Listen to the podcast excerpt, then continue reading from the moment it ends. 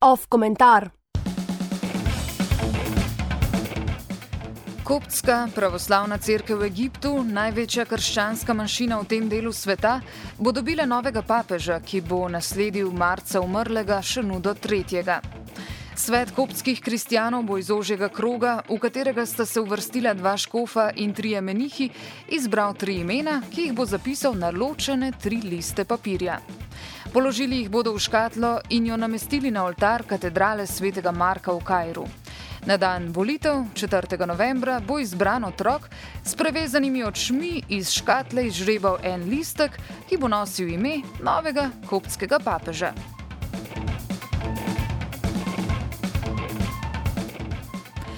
To so še ene izmed vrste volitev, ki nekako zaznamujejo letošnjo politično jesen. Trenutno so na našem prostoru najbolj aktualne predsedniške volitve. V finalni izbor so se uvrstili trije kandidati, ki prav zdaj pridobivajo ali izgubljajo še zadnje glasove pred volitvami, ki bodo 11. novembra. Sami mandati kandidatov se med seboj razlikujejo in odločitev, ki jih je sprejemal nek predsednik, ne bo nujno sprejel tudi drugi predsednik. Znotraj zakonodajnih okvirjev lahko predsednik izbira različne kandidate za pomembna politična mesta ter s tem neposredno vpliva na življenja posameznikov.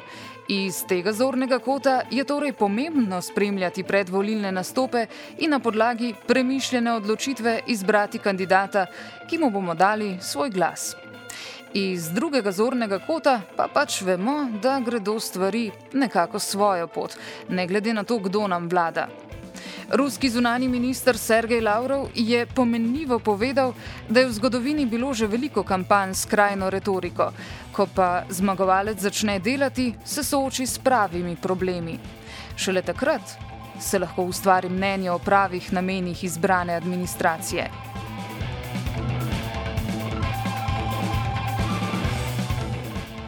V Sloveniji živimo v demokratičnem sistemu, ki vsakemu polnoletnemu prebivalcu omogoča, da odda svoj glas na volitvah kandidatu, ki ga je prepričal, bodi si z življenjepisom, bodi si na predvolilnih srečanjih.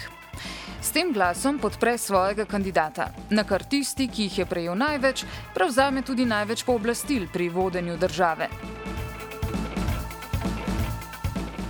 Kandidat je v prvi vrsti član interesnega gibanja ali stranke.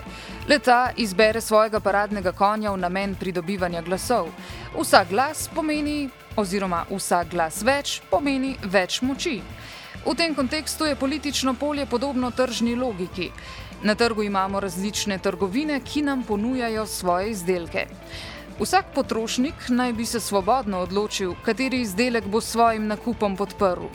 S tem, ko kupimo pulover v neki trgovini, jo podpremo, podobno kot podpremo stranko, ko izberemo nekega kandidata. V tem okvirju je stranka tržna znamka, ki hoče za vsako ceno prodati svoj izdelek.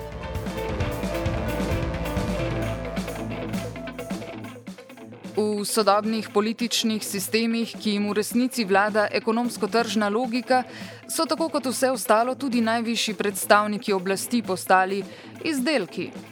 Kot vemo, pa se le te kupuje, prodaja in izmenjuje. Politična vodstva so podvržena mednarodnim denarnim tokovom, le te pa ustvarjamo vsi. Vsakokrat, ko nakupujemo, podeljujemo moč različnim ustanovam, ki so v končni fazi močnejše od predsedniške. V tem kontekstu bi bilo mogoče še najbolj ustrezno, da bi sledili zgledu egiptovskih pravoslavcev in enemu kekcu zvezali oči, da nam izžreba predsednika.